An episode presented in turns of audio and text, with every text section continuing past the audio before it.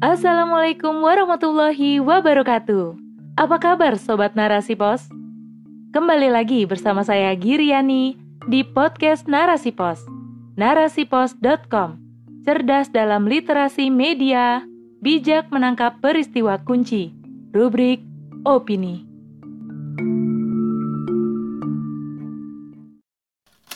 Kapitalisme Mencengkram Guru Honorer oleh Afia Rosyad. Terpujilah wahai engkau, ibu bapak guru. Namamu akan selalu hidup dalam sanubariku. Mungkin hanya lirik lagu himne guru itulah yang layak dipersembahkan bagi para pahlawan bangsa yang tanpa tanda jasa. Persoalan demi persoalan dalam dunia pendidikan, termasuk masalah guru honorer, terus bermunculan. Belum usai satu persoalan, terbit lagi persoalan lainnya yang membelit para guru honorer. Amboy, santernian sebuah wacana penghapusan guru honorer.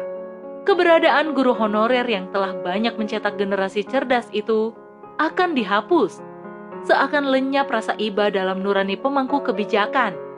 Keberadaan guru honorer justru akan mulai dihapus pada 28 November 2023. Wacana penghapusan tersebut termaktub dalam surat Menteri Pan RB nomor 185 garis miring M titik SM titik 02 titik 03 garis miring 2022 tentang status kepegawaian di lingkungan instansi pemerintah pusat dan pemerintah daerah. Dengan keputusan tersebut, aparatur sipil negara atau ASN akan dibagi menjadi dua jenis, yakni PNS atau pegawai negeri sipil dan PPPK atau pegawai pemerintahan dengan perjanjian kerja. Menurut Menpan RB, Cahyo Kumolo, para ex tenaga honorer dapat masuk dalam pemerintahan dengan syarat mengikuti seleksi sistem outsourcing atau mengikuti tes CPNS.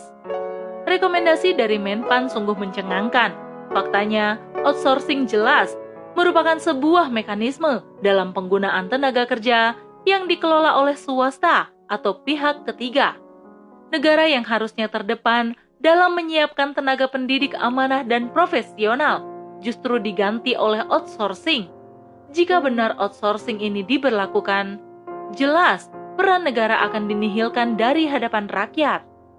Jumlah tenaga guru honorer sangatlah banyak.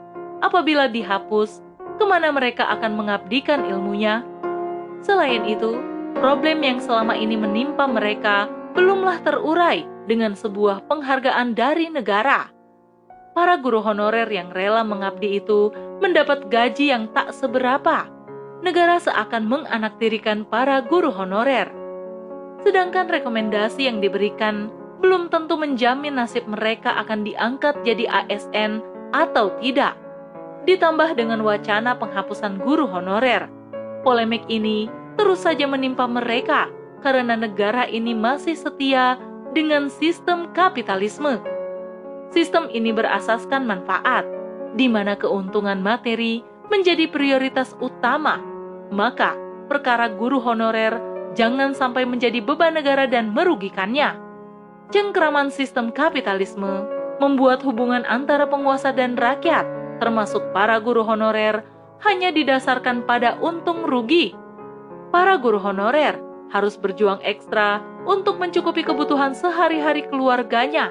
Walhasil, kesejahteraan guru, terutama guru honorer, sangatlah jauh panggang dari api. Tak ada jaminan pemenuhan kebutuhan pokok dan lapangan kerja yang memadai dalam negara yang menganut sistem kapitalisme. Sudah jelas, sistem kapitalisme menciptakan berbagai persoalan tanpa ada jalan keluar sudah seharusnya negara mencari solusi hakiki yang mampu menyelesaikan seluruh persoalan kehidupan, termasuk masalah guru.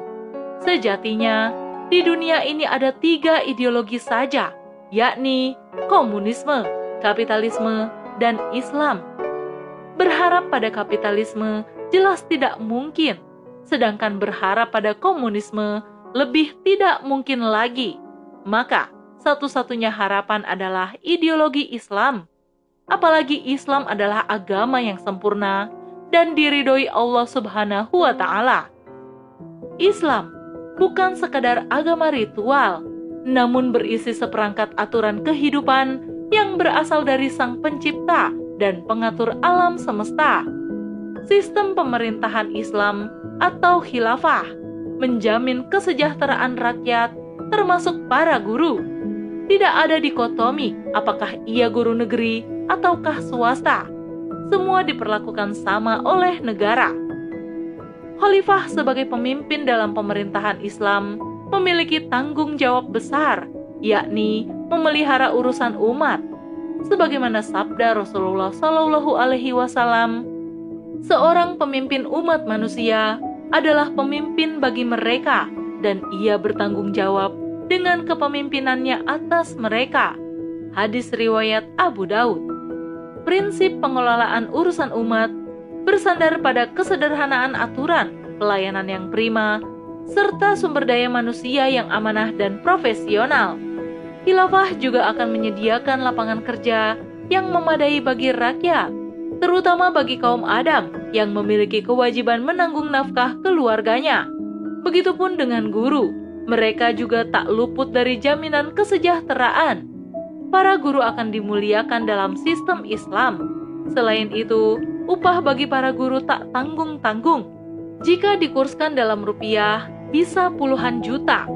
Sejarah mencatat dalam tinta emas, Khalifah Umar bin Khattab memberi upah pada guru mengaji sebesar 15 dinar.